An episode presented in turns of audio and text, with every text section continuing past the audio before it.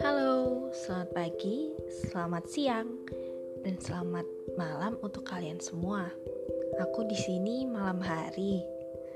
Oke, sekali ini aku ingin membahas tentang orang sulit. Aku hanya ingin mengutarakan pemikiranku tentang siapa sih orang sulit itu. Karena ada baiknya kan aku share sesuatu setelah membaca sebuah buku yang berjudul Orang Sulit karya Ibu Cipto Susan, salah satu dosen di Fakultas Psikologi Universitas Sanata Dharma, Yogyakarta. Baik, siapakah sebenarnya orang sulit itu? Apakah diri kita sendiri atau orang lain? Terkadang, dalam menjalin relasi, kita mengalami kesulitan berkomunikasi, yaitu memahami orang lain atau bahkan dipahami orang lain. Lalu, bagaimana kalau terdapat masalah relasi terkait memahami dan dipahami? Nah, menurutku ada dua hal. Yang pertama, jangan memberi label terlebih dahulu kepada orang tersebut atau kepada orang lain yang kita pikir itu adalah orang sulit. Mengapa?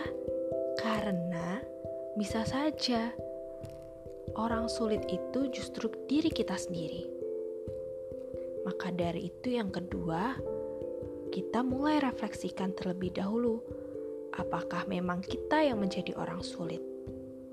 Refleksikan apakah kita terlalu banyak maunya, bisa juga banyak keinginannya, atau cara penyampaian kita yang terlalu tinggi dan kurang dipahami. Nah, tanyakan pada diri sendiri. Jika memang ternyata susah, boleh kok bertanya dengan teman dekat atau mereka yang memahami kita. Tanyakan, apakah benar aku ini jika berkomunikasi sulit untuk dipahami? Nah, kalau sudah, baru tahap selanjutnya.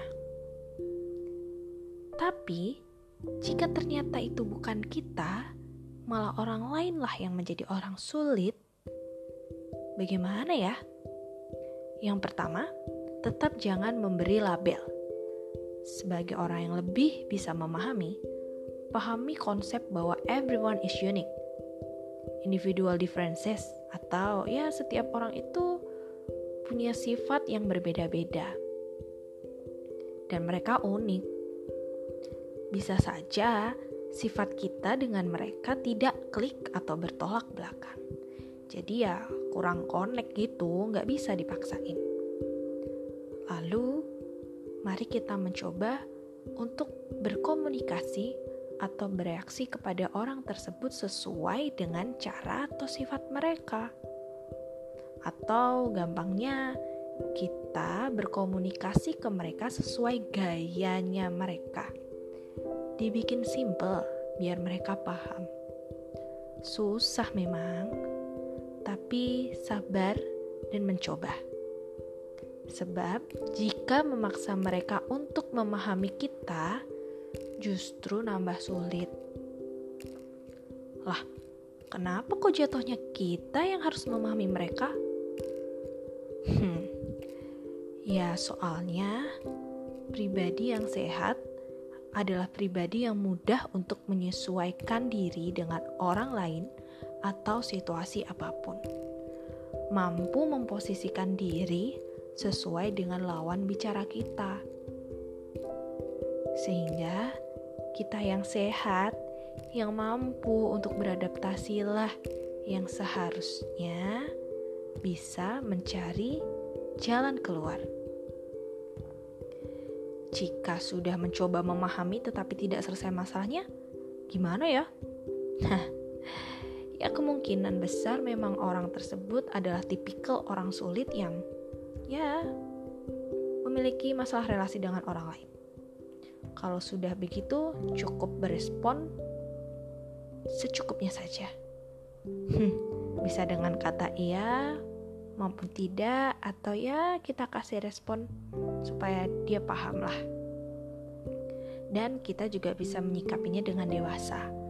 Jangan sampai kita terjebak dan tersulut amarahnya. Karena bisa jadi lingkaran setan gak kelar-kelar itu komunikasinya. Hmm. Nah kalau ternyata kita yang menjadi orang sulit, bagaimana ya? Nah kalau kita yang menjadi orang sulit, kita belajar teknik komunikasi yang efektif dan efisien, supaya orang-orang paham apa maksud kita. Kembali lagi kan, pribadi yang sehat adalah mereka yang mudah untuk beradaptasi. Baik beradaptasi dengan belajar memperbaiki diri maupun beradaptasi dengan cara menyampaikan apa yang menjadi keinginan orang lain dengan mudah.